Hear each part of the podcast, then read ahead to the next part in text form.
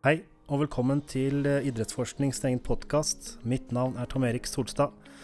Og i dag har jeg med meg en gjest ved navn Torstein Dæhlin.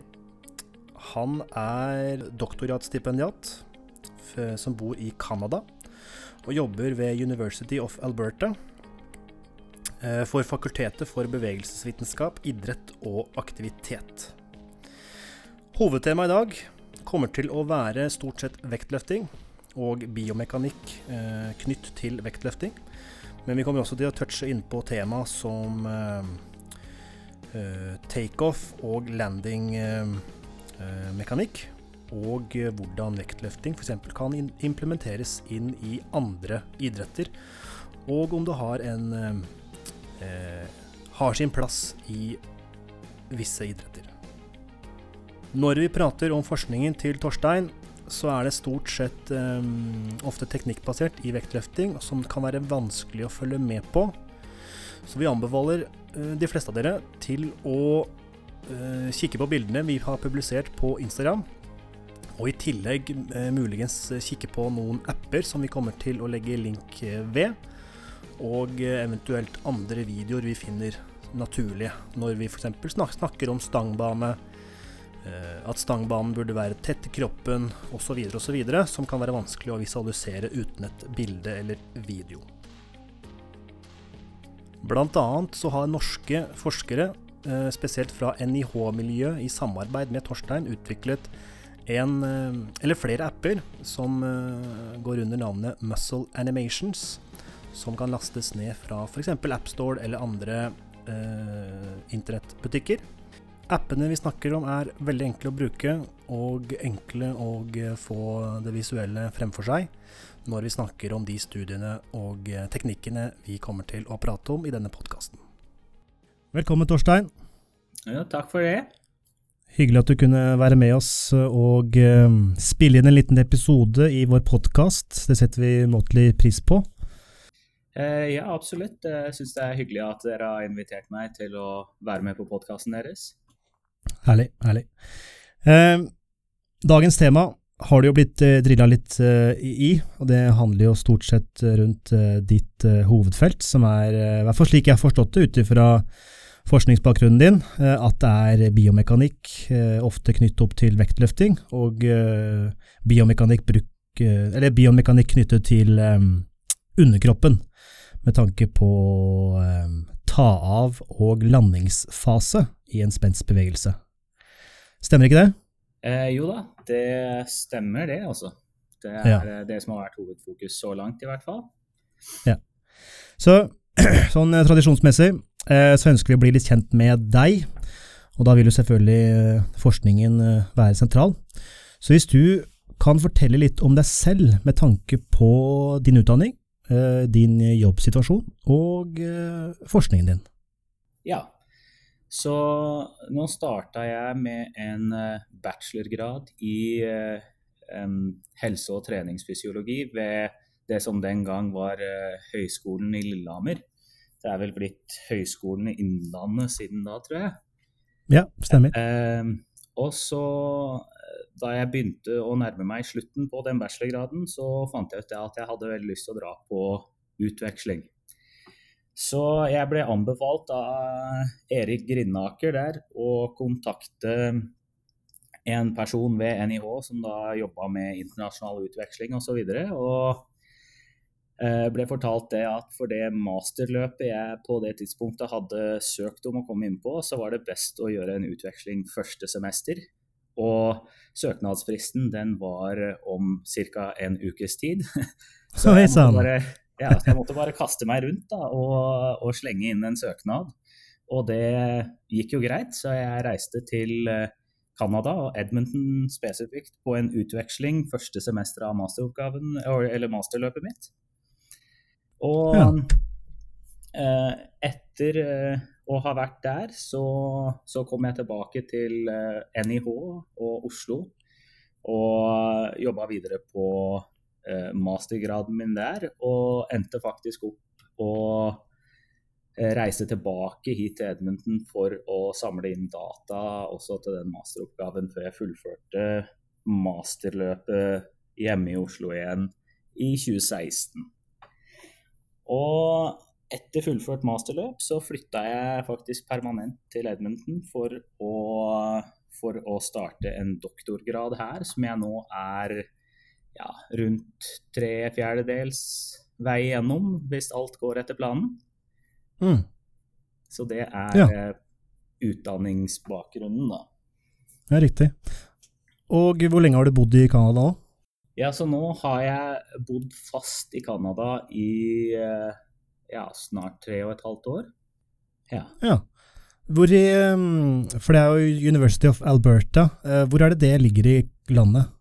Ja, så University of Alberta det, det ligger da i Edmonton, som nevnt, og det er i provinsen Alberta, som er ganske langt uh, vest, egentlig, i Canada. Okay. Det er ikke helt på vestkysten, men uh, det er den andre mest vestlige provinsen i landet. Ja, riktig. Det er kaldt? Uh, det er kaldt om vinteren her, det er det. Det bruker å være en, en god uke minst med minus 30 i strekk hver vinter, så det Uh. Jeg tenker jo ofte på serien Fargo når jeg tenker på Canada, og da er det ofte Ja, vinter, og vinter og kaldt. Ok, men eh, som du sa, du driver med din, eh, din doktorgrad nå, og skal forhåpentligvis bli ferdig i løpet av 2020. Eh, Kan du fortelle litt om hva din doktorgrad handler om? Ja, det kan jeg gjerne. Så doktorgraden min har tatt en litt annen vending enn det jeg har arbeidet med tidligere på master. Men eh, eh, jeg ser nå litt på eh, rollen til eh, forskjellige muskler i underekstremitetene eh, under landing og hopp.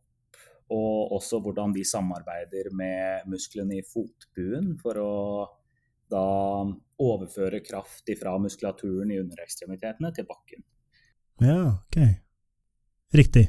Og hva, hva har du funnet ut? Eh, så langt så har vi sett litt på hopping og landing. Og for så vidt eh, gjort en studie der vi viste at eh, den teknikken du bruker for å hoppe, den vil påvirke den påfølgende landinga og, og kan potensielt ha eh, implikasjoner for ting som skadeforebygging, f.eks. Ok. Hvis du skal dra en litt sånn praktisk eh, applikasjon her til, eh, til idrettsfeltet, hva, hva, er det, hva er det vi kan få bruk for av, eh, eller innenfor din doktorgrad? innenfor min doktorgrad eh, nå så Den første studien er ganske, ganske basic, egentlig, og mer deskriptiv. Men vi prøver jo å forstå noe litt mer eh, grunnleggende om uh, funksjonen til noen av de musklene i underekstremitetene. Og det er klart, det er veldig viktig informasjon når du skal planlegge trening for, uh, for andre. Så Mhm. hvilke øvelsesutvalg benytter du f.eks. For, for å trene spesifikke muskelgrupper, og for virkelig å sette fokus på spesifikke muskelgrupper. Ja, riktig, riktig, riktig. Ok. Eh, greit.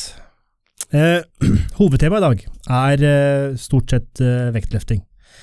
Og vektløfting, i hvert fall eh, i Norge, har jo blitt, eh, i hvert fall slik jeg kan forstå, det er mulighet til å ha feil, men det har blitt litt mer og mer populært i det siste. Eh, og jeg tror nok det er mye på grunn av at eh, alt som skjer der ute i verden er mer tilgjengelig på grunn av sosiale medier. Og vi har jo sosiale medier-kontoer som Hookgrip, som viser en del gode videoer på Instagram av eh, ofte de beste løfterne fra ulike mesterskap. Men også gjennom populariseringen av eh, idretten, eh, crossfit. Det er ikke sikkert alle mener at det er en idrett, men jeg kaller det en idrett. Og så får vi se hva som skjer. Men eh, eh, selv med en økende interesse for vektløfting her i Norge, så gjør jo Norge det ikke veldig bra. I hvert fall hvis man skal sammenligne en eh, vektløfting med eh, den sterke, eh, litt tregere broren eh, styrkeløft. Hva tror du det er årsaken, hva tror du årsaken er til det, Torstein? Ja, det er, det er et godt spørsmål. Men jeg tror vel kanskje deler av årsaken er at eh, vektløfting er en eh, veldig teknisk krevende idrett. Så bare fordi vi kanskje har eh, i styrkeløft utarbeida noen gode rutiner på hvordan man trener styrke, så behøver ikke det nødvendigvis å bety at man, man kan bli en god vektløfter for det. Mm. Eh, og så har Norges styrkeløftforbund vært utrolig flinke i en lang tid, egentlig så lenge som jeg kan huske tilbake, i hvert fall, på å, på å utdanne trenere, men også å følge et, eh, et satt system, da, eh, som samla som forbund. Og det tror jeg har vært en, en nøkkel til at de har vært så suksessfulle. Ja, riktig. Riktig. Ja. Fordi Norge tok jo allerede OL-gull i 1972, tror jeg det var, ved en eh, Hva heter det for noe? Jensen, tror jeg. Eh, ja, du... det stemmer. Ja, Leif ja. Jensen er vel eh, Leif. det siste, i hvert fall, OL-gullet vi har eh, ja. Jeg er litt usikker om Stian Grimseth har vel tatt EM-medalje, men vet ikke om han har tatt gull. Det er jeg litt usikker på. Eh, ja, nå skal ikke jeg snakke altfor mye om merittene til Stian, for de kan jeg ikke sånn helt på rams. Men jeg vet at han har tatt medalje i EM, ja. Eh, det er mulig ja. at det er medalje kun i rykk- eller støtkonkurransen, ikke sammenlagt. Men det, det, er jeg litt usikker på. Riktig, riktig, riktig. Mm. Eh, greit. Men hva tenker du om den økende interessen for vektløfting her i Norge? Og er det uh, Nå vet ikke jeg hvor godt Canada gjør det i vektløfting, men ser du en økende interesse der også? Ja. Uh, først og fremst så jeg tenker jeg at en økende interesse for sporten er uh, ikke noe annet enn positivt for, for idretten. og for vektløfting spesifikt det er klart, eh, dess flere utøvere du kan rekruttere, dess flere eh, store talenter har du sjansen for å finne, om du kan si det. Eh, mm. Så det tror jeg nok bare er positivt. Og vi ser jo en veldig positiv utvikling i norsk vektløfting eh, som følge av det også. Spesielt på, på damesida så har vi jo hatt eh, voldsom framgang i forhold til eh, hvordan topputøverne våre plasserer seg, og hvor mange vi har som er med og konkurrerer i, i toppen. Mm, mm. Det er vi. Um,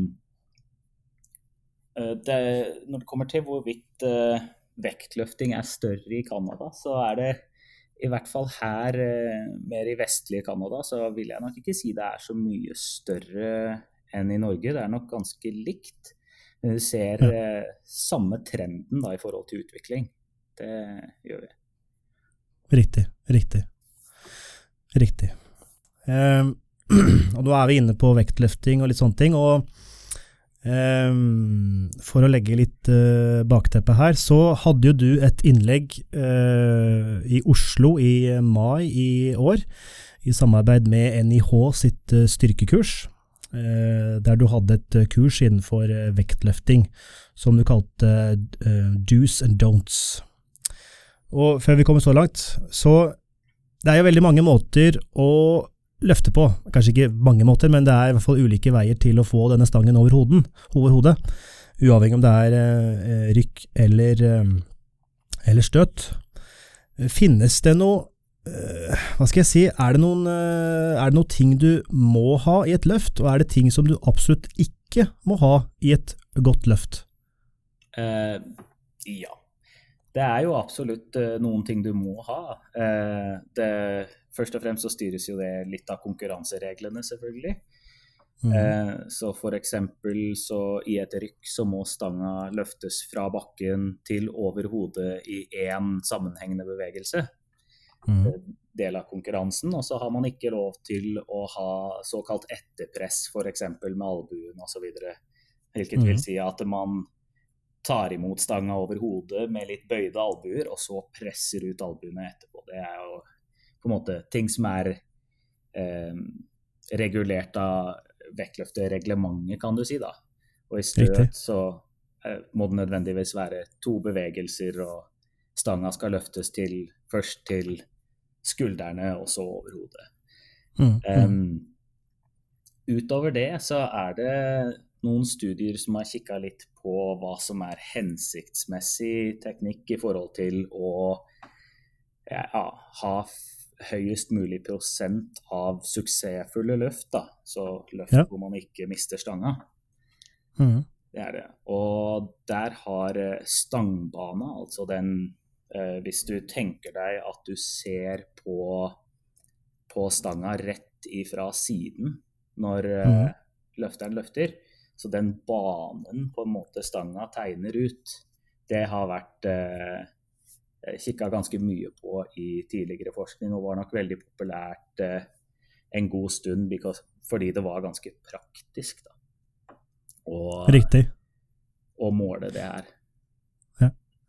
Tenker du da på hele stangbanen, eller tenker du på eh, fra bakken opp til hofta, eller fra hofta over til eh, over hodet. Er det noen faser som skiller seg ut her? Eh, ja, så du kan jo si at eh, den fasen som er ifra bakken til over hodet i rykk, eller fra bakken til eh, skuldrene i støt, det er vel det som har fått eh, absolutt mest oppmerksomhet. Det er det. Og det er mm. nok ikke helt tilfeldig. det er mer mer komplekst enn det overstøtet er da, i en støtøvelse. Og samme mm. på en måte det vi kaller for reisen, da, eller den knebøyen du kan si, som du tar opp etter at du har løfta stanga over hodet eller til skuldrene, det har heller ikke blitt sett så veldig mye på. Det er riktig. Mm. Men når du fordi f.eks. i drykk så uh, må jo stanga løftes uh, uh, med en enorm, enorm hastighet, og man er jo da innom hofta, der man toucher, toucher hofta, og så får man da en litt sånn bue ut fra kroppen, hvis man ser stanga fra siden. Ja. Er det den du mener skal bli rettere, eller hva er det du mener med optimal stangbane, når, det, når man ser denne, dette fra sida? Ja, så vi kan jo gå litt inn på hva uh, tidligere forskning egentlig har uh, har sagt om denne her stangmannen, og hvordan den burde se ut. Mm. Og da er det noen studier som har sett på forskjellige typer stangbaner. Så de har sett på forskjellige generelle mønstre, og der har man funnet at eh, de mest hensiktsmessige stangbanene ser ut til å være stangbaner der hvor stanga først kommer mot løfteren når du, når du ser løfteren fra siden. I den første ja. fasen av løftet. Og deretter mm. Vil den gå litt vekk fra løfteren igjen. Eh, når man da på en måte kommer opp til hofta og, og den fasen av løftet. For så å komme tilbake mot løfteren og, og, ende opp over løfteren i rykk, da, eller til skulderen i støt. Riktig. Eh, ja. Og da er det også blitt eh, sett på det her med mengden stanga går vekk igjen fra løfteren etter den første fasen, ser ut til å være ganske vesentlig i forhold til hvorvidt man eh, har et suksessfullt løft, eller om man, man misser det løftet. Ok. Ja, så da tenker du på fasen fra bakken til stanga treffer hofta? Eh, ja, eller da tenker jeg på eh, den fasen som, som kommer ifra man eh, begynner å strekke hofta etter eh, det som vi gjerne kaller for bunndraget på norsk. For det er i den fasen stanga vil begynne å gå vekk fra kroppen igjen. Etter å ha kommet mot kroppen. Eller mot løfteren.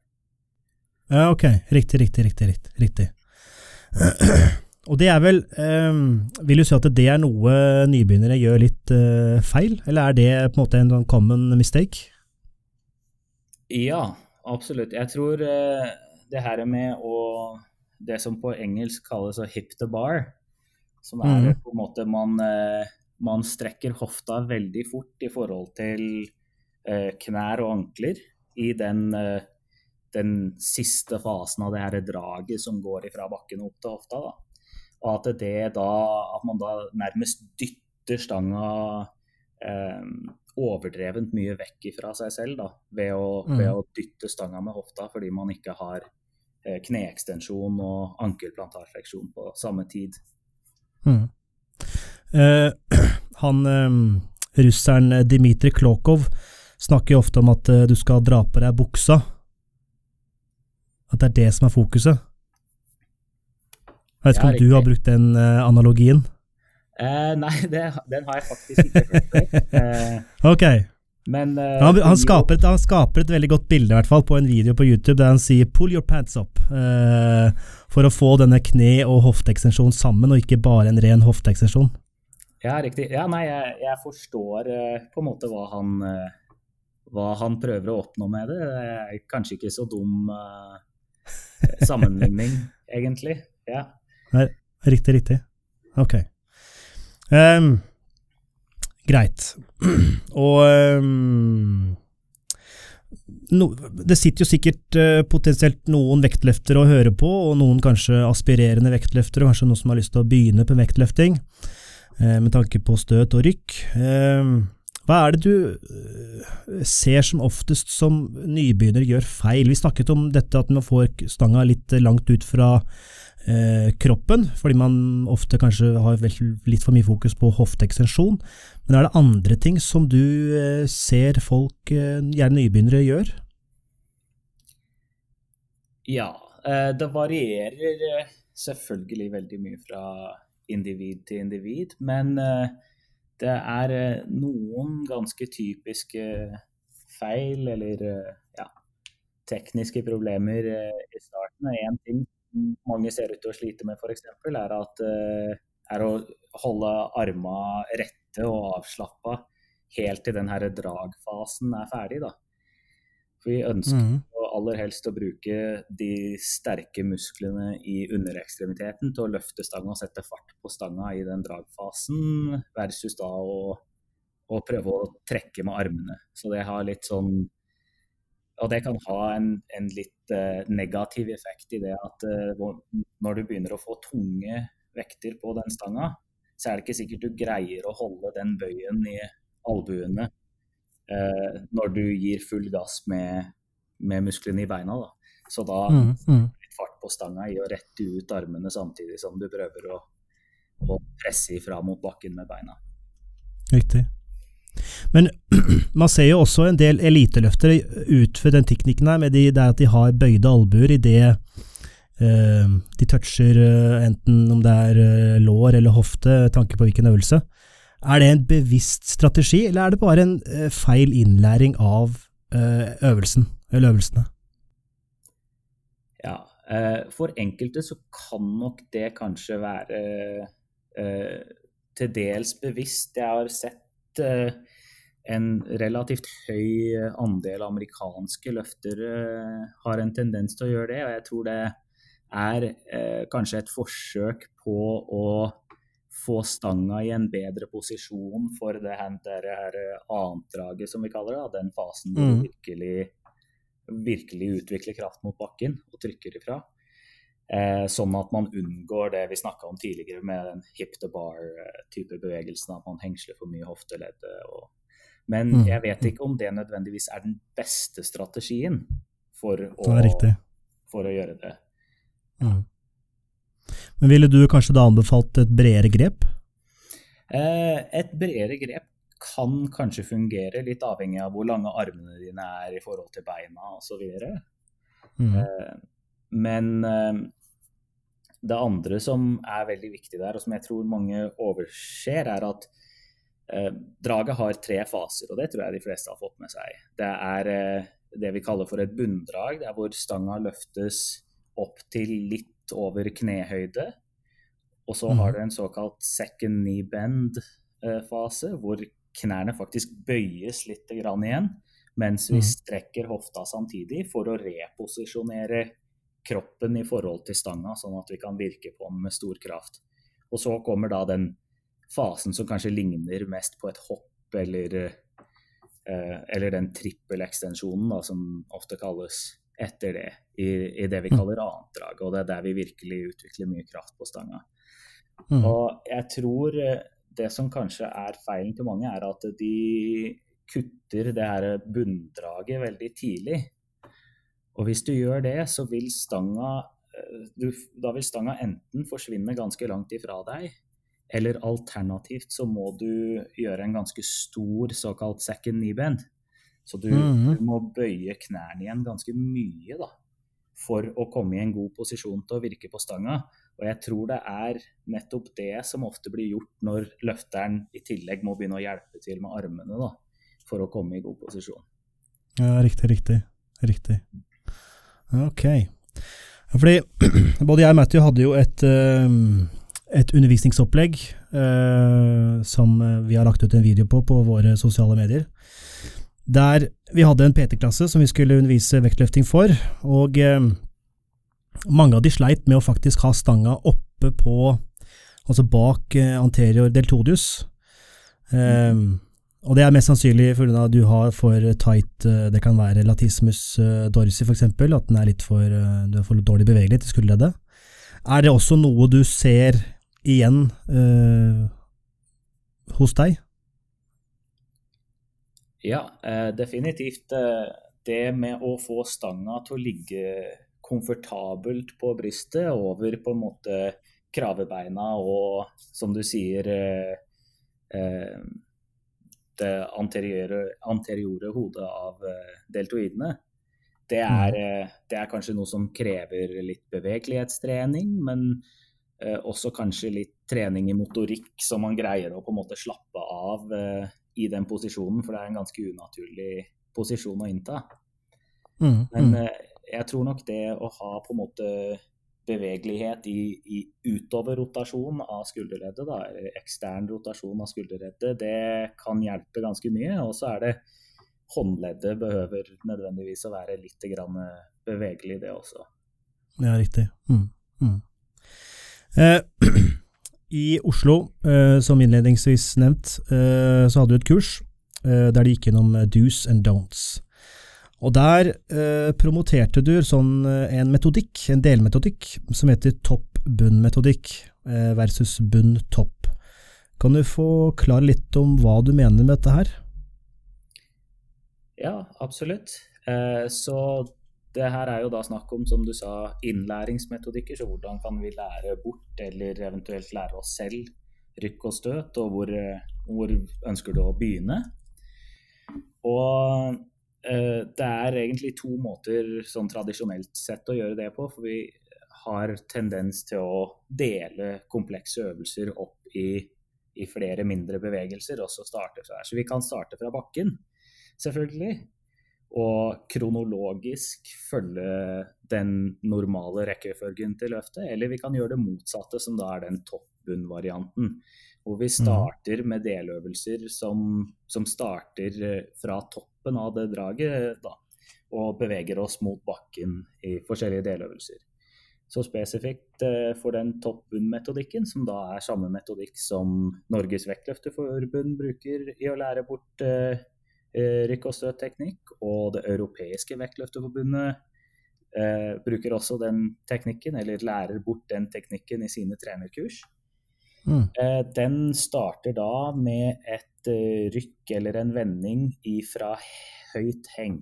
Så det høye henget, vil Si at du har bare en ørliten bøy i hofte, kne og ankel eh, i startposisjonen. Og så løfter, starter du med å løfte stanga fra den posisjonen og over hodet eller til, til skuldrene. da.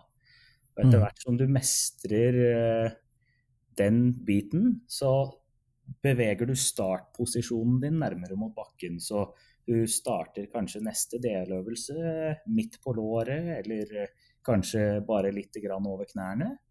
Og så utfører bevegelsen derfra til, til slutt, da.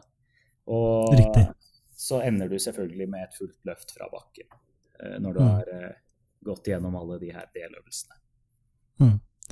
Så du vil anbefale at uh, personer Eh, fullfører hele løftet før de begynner å eh, øke vekten. Er det slik? Ja, absolutt. Eh, jeg personlig i hvert fall er jo av den oppfatning at vektløftøvelser som er såpass teknisk krevende, de er kanskje ikke en god styrkeøvelse før du har lært deg rett teknikk. Så å fokusere på å lære rett løfteteknikk før man begynner å lasse på veldig mye vekt, det er nok hensiktsmessig. For eh, mm, hvis du skal mm. se på det fra et rent styrketreningsperspektiv, Eh, å løfte middels høye vekter som du kan få til med dårlig teknikk, gir deg nok dårligere effekt enn å trene andre styrkeøvelser i stedet. Så da vil jeg heller fokusere på å lære teknikk mens jeg trener andre styrkeøvelser først. Og så, mm. når teknikken begynner å komme i rykke og støt, så kan man begynne å legge på vekter og få veldig god styrketreningseffekt av de øvelsene også. Ja.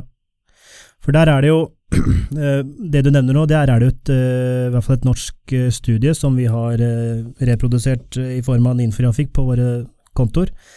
Der de sammenligna tradisjonell styrketrening opp mot vektløfting og isokinetisk trening i en sånn spesiell maskin. Du har jo sikkert lest og sett denne her, regner jeg med, Torstein? Uh, ja, jeg har sett litt av den. Det er vel Helland 2017, eh, tror jeg. Ja, eh, men hva, hva, hva, tenker du? For det, det, det, bildet de maler der om vektløfting, er jo at eh, det ikke eh, fungerer sammenlignet med eh, eh, styrketrening og isokinetisk trening. Ja, Eller det fungerer, men de to andre fungerer litt bedre. Ja, Eh, det her er jo faktisk noe vi tok litt tak i for, eh, for masteroppgaven min. For masterarbeidet mitt var jo som kjent på vektløfting. Og ja. vi kikka litt på den artikkelen her sammen med noen andre artikler som har sett på forskjellige eh, varianter av vektløftøvelser osv. Og, så og stilte oss egentlig spørsmålet kan det være det at vi endrer muskelbruken litt hvis vi ikke bruker rett vektløftteknikk. Da. -hmm. Og det vi eh, gjorde da for eh, masteroppgaven min, var at vi eh, rekrutterte noen eh, erfarne vektløftere her eh, i Edmonton. Og vi eh, instrumenterte de med en hel haug med sånne reflekterbare markører. Og brukte mm. et sånn videoanalyse eller et bevegelsesanalysesystem. da, eh, à la det de bruker for eh, CGI i forskjellige høybudsjett eh, Hollywood-filmer.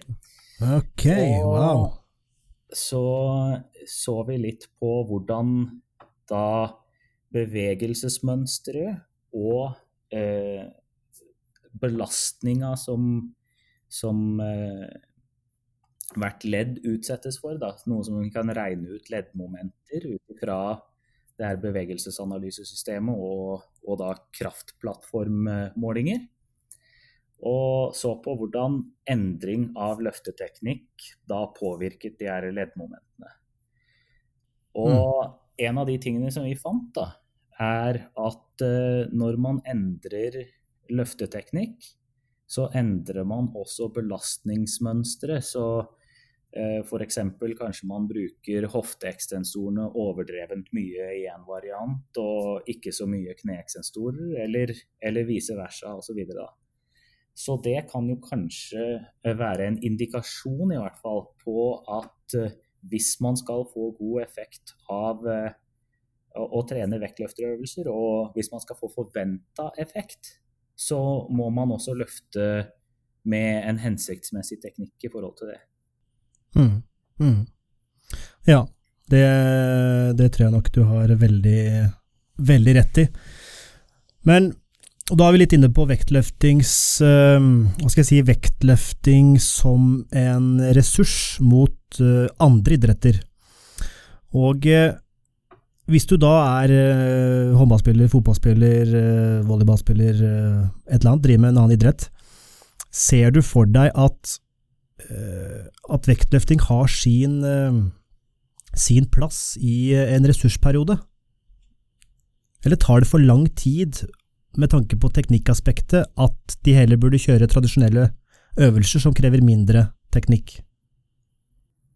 Ja, jeg tenker vel det at det kan være positivt for for uh, eh, f.eks. håndballspillere og fotballspillere i mange lagidretter generelt sett å trene litt vektløfting.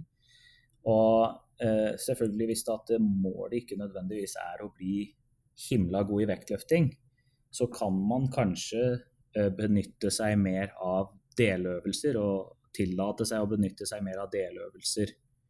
Eh, uten å måtte lære de mest komplekse fasene av løftet, kanskje.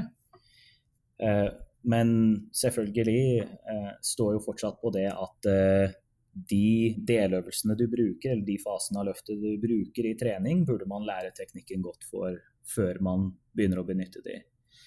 Men spesielt så tenker jeg jo at vektløfting kanskje har eller vektløfteøvelsen, rykk og støt, har veldig god overføringsverdi til mange bevegelser som vi gjør i typisk lagidrett.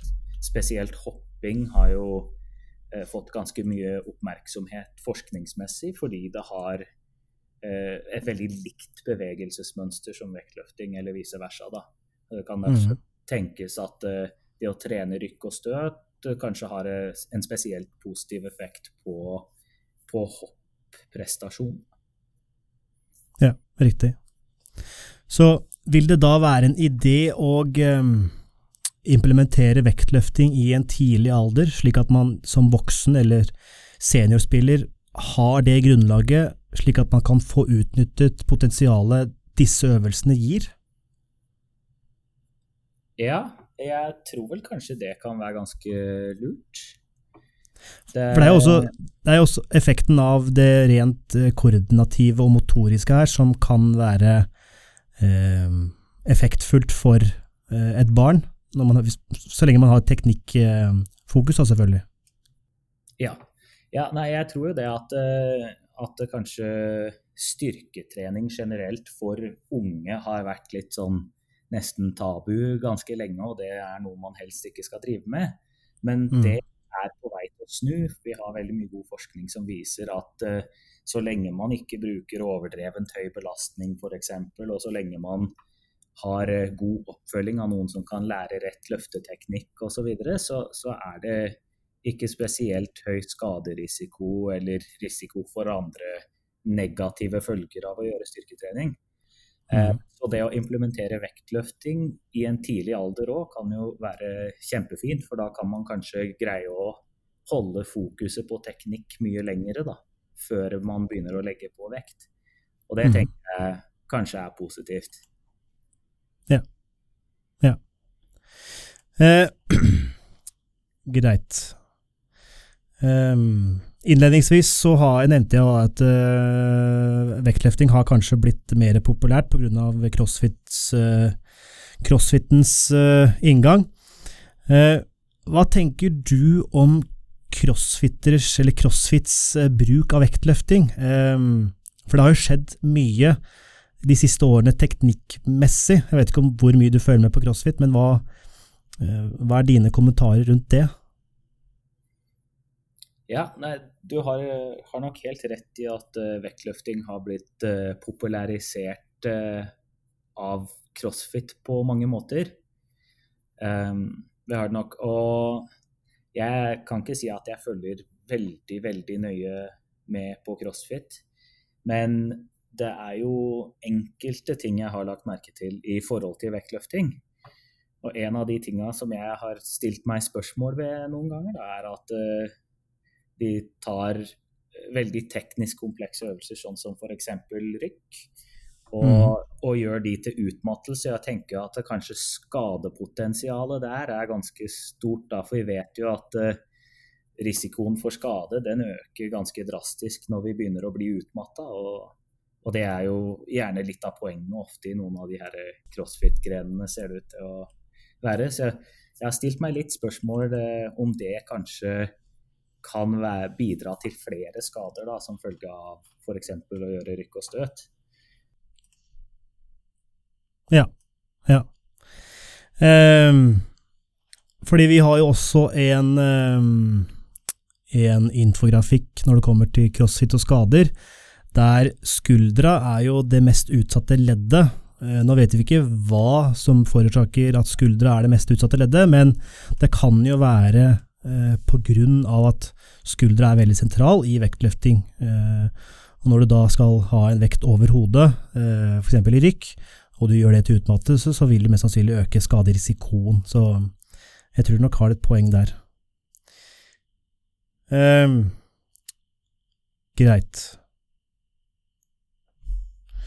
Når det kommer til eh, hva skal jeg si, hjelpemidler for en utøver eller trener, så er jo iPhone ofte en god ting, eller i hvert fall den begynner å bli en god ting med tanke på apper man kan bruke til å analysere sitt eget løft, eller plotte sitt eget treningsprogram, eller måle puls, eller eh, mobilen har blitt et litt sånn multiverktøy.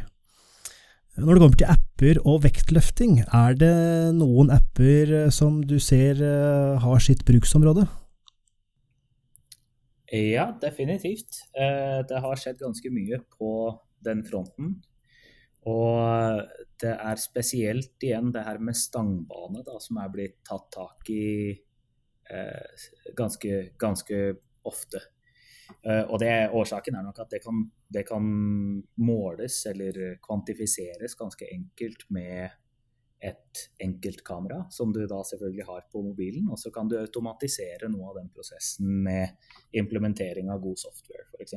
Så du har eh, noen uh, forskjellige apper, som f.eks. en kalt uh, BarSense, som mm. du da kan filme løftet av deg selv fra siden. Og så setter du bare Det er en liten sirkel som du justerer størrelsen på osv. Og, og du på en måte bare setter den sånn at den overlapper vektskiva på stanga di. da.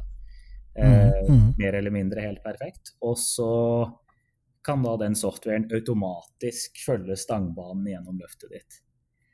Eh, mm. og det er selvfølgelig veldig nyttig informasjon. Da kan du se på hvordan denne her stangbanen ser ut, og hvordan den kanskje sammenligner seg med stangbanen til veldig gode løftere, som det er mulig å finne litt data på her og der hvis man søker rundt på internett. Og spesielt hvis man går inn på f.eks. Google Scholar og finner noen forskningsartikler, eller om man går på ResearchGate, som dere har nevnt flere ganger i podkasten deres tidligere. Eh, hvor man mm. kanskje kan få tilgang til en del figurer og sånn, selv om man ikke har tilgang til uh, journaler hvor det her er publisert. Riktig, riktig. Og eh, hvor god er disse appene her i forhold til f.eks. For en linær dekoder? Ja, det er uh, egentlig Eller et akselometer eller litt, eller dyrere, eller litt dyrere verktøy, da? Ja. Uh, nei, de er egentlig relativt gode, uh, forutsatt at man er litt nøye med hvordan man setter opp, eller hvordan man filmer det her løftet, da.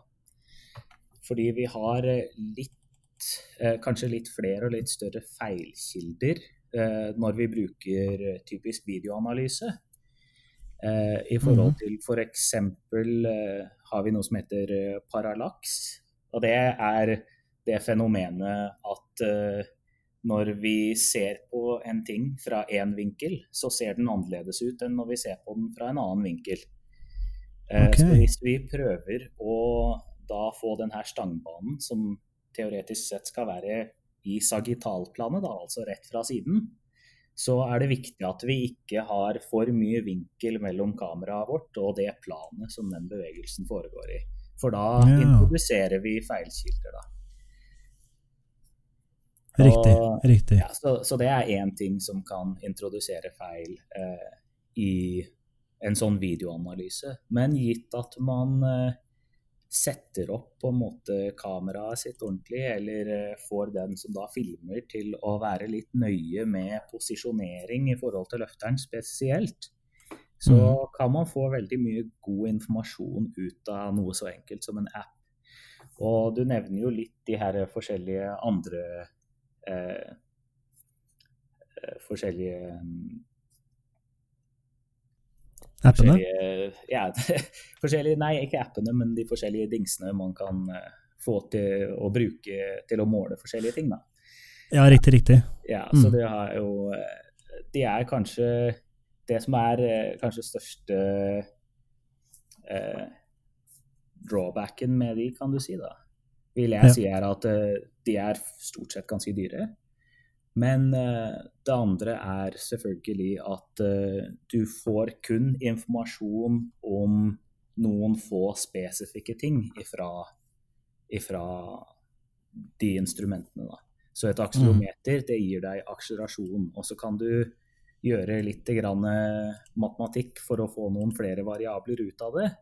Men det er Mm. litt begrensa hva du får ut av det. Mens når du filmer med et kamera, så får du i tillegg til da eventuelt den stangbanen som du, som du plotter inn osv., så, videre, eh, så får du jo et eh, fysisk bilde på hva som foregår. da.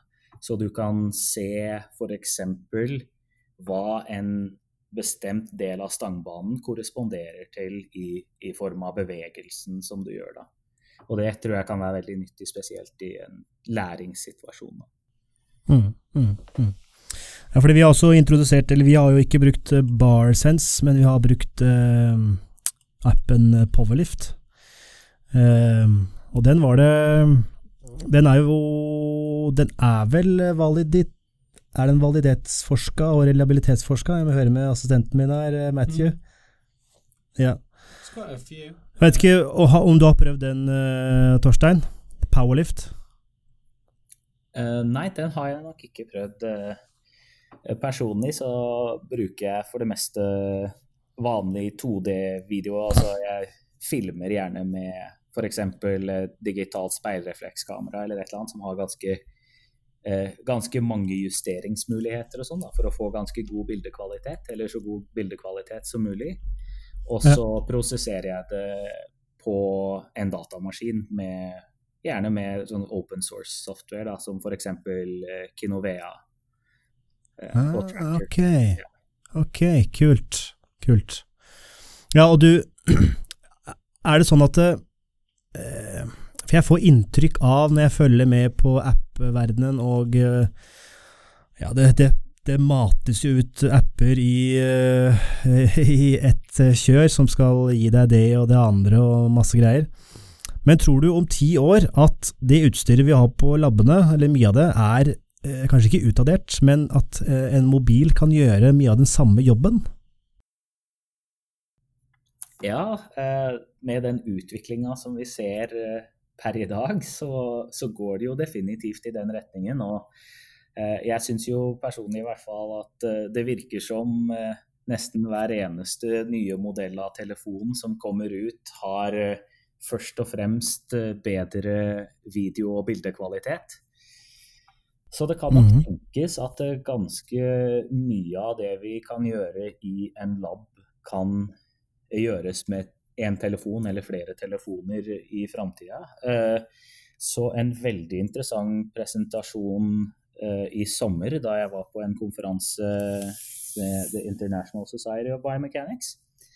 Mm. Eh, Der hvor de brukte flere De brukte da eh, en rekke sånne webkameraer eh, til å gjøre en full 3D-analyse, bevegelsesanalyse. Og de, de, i diskusjonen da, så snakka de litt om, om hvordan de kameraene de brukte er såpass små og hendige og lette å bruke at de kunne tenkes at de kunne implementeres i en telefon. Da. Så da kunne du Mm. kanskje tenke deg at du har, har flere telefoner. Du samler alle telefonene fra, fra de som er på løftetime f.eks., og setter de opp. Og så kan man kanskje tenke seg at man kan gjøre en full 3D-analyse. Nå er vi selvfølgelig ikke der enda, men uh, hvem vet hva som, hva som kommer med fremtida. Ja, det hadde vært eh, Det høres jo ikke utenkelig ut. eh, Men tenker du da at eh, dette her skal synkroniseres der og da, eller at de videoene du får fra ulike vinkler, må mates inn i, inn i en software på en PC? Ja, det er et godt spørsmål. Du kan nok med teknologien per i dag, så kunne det jo tenkes at du kunne mate alle de videoene inn i en PC hvis du har et eller annet tidspunkt å synkronisere de videoene ut ifra, og bruke eh, litt mer avansert eh, litt mer avanserte teknikker til å rekonstruere 3D. Da. Så f.eks. hvis du programmerer dine egne software-programmer og, og, kjenner til matematikken bak det, så skulle det være mulig teoretisk sett. Ja, hvor, riktig, riktig. hvor langt vi er ifra å automatisere noe sånt, det er en, en litt annen historie. Ja. Det får nok eh, ingeniørene svare, svare for seg. Ja, jeg tror vi skal la ingeniørene ta seg av det. ja, riktig. Eh, ok. Eh, når du er ferdig med din doktorgrad, uh, hva er det du ønsker å forske på da? Er det fortsatt biomekanikk og informa eller, og spenstbevegelser og vektløfting, eller er det litt andre ting du kunne tenke deg å, å se litt nærmere på? Ja, det er eh, noe jeg har tenkt veldig mye på. Men eh, ja. jeg eh, syns vel det at det er det som først og fremst driver meg i form av, av forskningsinteresse, er eh, interessen for muskelfunksjon på et mer på en måte eh, makroskopisk nivå, om man kan si det. Så mm. på en måte Et eksempel er f.eks. at uh, i, i, leggen så har vi jo eh, både toleddsmuskler og ettleddsmuskler, så gastrocnemius og soleus. Mm. Og eh, i hvert fall hvis vi tror på evolusjon som en teori, teori, da, så må det være en eller annen god grunn til at vi som mennesker har såpass velutviklede soleus og gastrocnemius. Men vi forstår ikke helt hvorfor det er. Men det er jo mest sannsynlig at det er fordi de her musklene utfører litt forskjellige oppgaver. Og muskelfunksjon på det nivået der er nok det som jeg er aller mest interessert i forskningsmessig. Så når jeg er ferdig med doktorgraden, så håper jeg at jeg kan fortsette å bruke biomekanikk til å prøve å forstå mus muskelfunksjoner på det nivået. Ok, ok. Det høres uh, veldig spennende ut, og egentlig veldig innvikla. Uh, eh, så ja, veldig bra. Uh, greit. Da tenker jeg vi er ved veis ende, og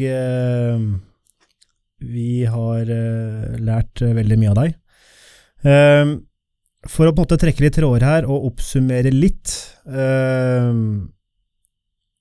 så har vi snakket en del om vektløfting og dette med biomekanikk og teknikk i vektløfting og hva som er viktig å, å tenke på, og hva f.eks. nybegynnere gjør av, eh, av, eh, av, feil.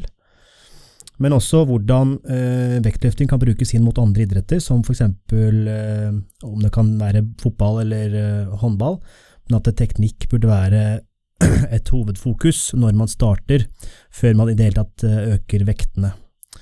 Uh, og Da vil man selvfølgelig bruke litt lengre tid før man ser en uh, effekt på andre parametere, men uh, rent koordinasjons- og motorikkmessig så tror man at Eller vi Iallfall jeg tror iallfall det er um, tid well spent, vil jeg tro. Um, ja, og din videre forskning vil jo da dreie seg om muskelbruk og muskelfunksjon. eh, der du ofte Eh, eller der du ønsker å se eh, ja, forholdet mellom enleddsmuskler og toleddsmuskler, og eh, hva slags funksjon de har, og hva det kan, kan brukes til. Jeg vil takke for deg for at du ble med oss i dag, Torstein. og det har vært veldig nyttig å ha deg med. Jeg har i hvert fall lært mye, og jeg håper lytteren har lært også veldig mye.